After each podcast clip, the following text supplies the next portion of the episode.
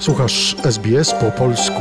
Więcej ciekawych historii znajdziesz na stronie sbs.com.au ukośnik polisz.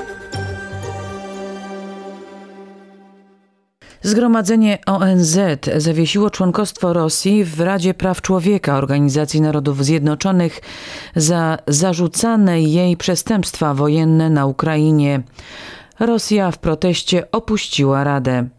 Rosyjski rząd twierdzi, że zbrodnie wojenne zostały zainscenizowane, jednak mieszkańcy Buczy, naoczni świadkowie tych zdarzeń, potwierdzają okrucieństwa popełnione przez rosyjskich żołnierzy.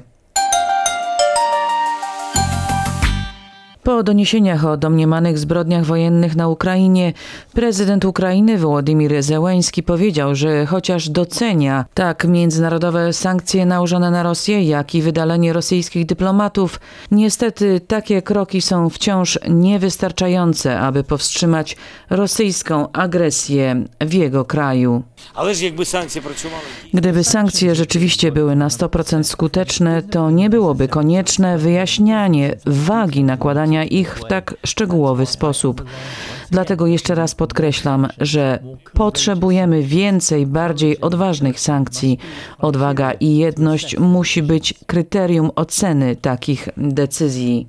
Zełański potępił zaprzeczenia rosyjskiego rządu odnośnie popełnienia zbrodni wojennych, a także rosyjskie zaprzeczenia o doniesieniach o odkryciu masowych grobów z ciałami straconych ukraińskich cywilów, stanowiących dowód o doznanych przez nich torturach. Rosyjski rząd wielokrotnie oznajmiał, że na Ukrainie zainscenizowano zbrodnie wojenne, jednak mieszkańcy Buczy utrzymują, że zbrodnie są autentycznym faktem. Natalia Kowkrak mówi o tym, jak jedna osoba cywilna została zabita na jej oczach w jej domu, zabita przez rosyjskich żołnierzy. A on odkrył drzwi Otworzył drzwi, bo próbowali drzwi wyważyć, więc otworzył. Później zabili go kolbą karabinu. Iryna Kolisnik mówiła o tym, jak zabito jej sąsiadkę Leonię, która zaledwie powiedziała, że nie jest wrogiem i po prostu, że idzie do toalety. No one walks here. Nikt tędy nie chodzi. Leonia tu zginęła. To koszmar. Nikomu nie życzę, aby musiał coś takiego przeżyć.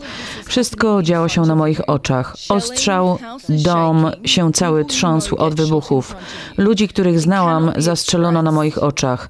Tego nie da się opisać. Funkcjonowaliśmy zgodnie z harmonogramem. Pozwalali nam wyjść na zewnątrz tylko kiedy chcieli. Czasami po prostu nas nie wypuszczali, a mężczyźni w ogóle nie wychodzili.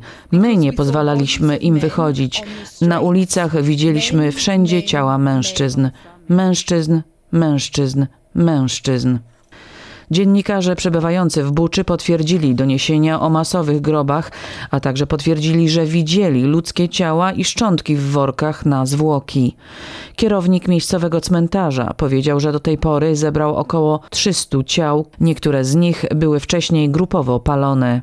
W odpowiedzi na rzekome zbrodnie wojenne Zgromadzenie Ogólne ONZ przegłosowało decyzję o zawieszeniu członkostwa Rosji w Radzie Praw Człowieka Organizacji Narodów Zjednoczonych. Po jej zawieszeniu Rosja ogłosiła, że całkowicie występuje z Rady Praw Człowieka.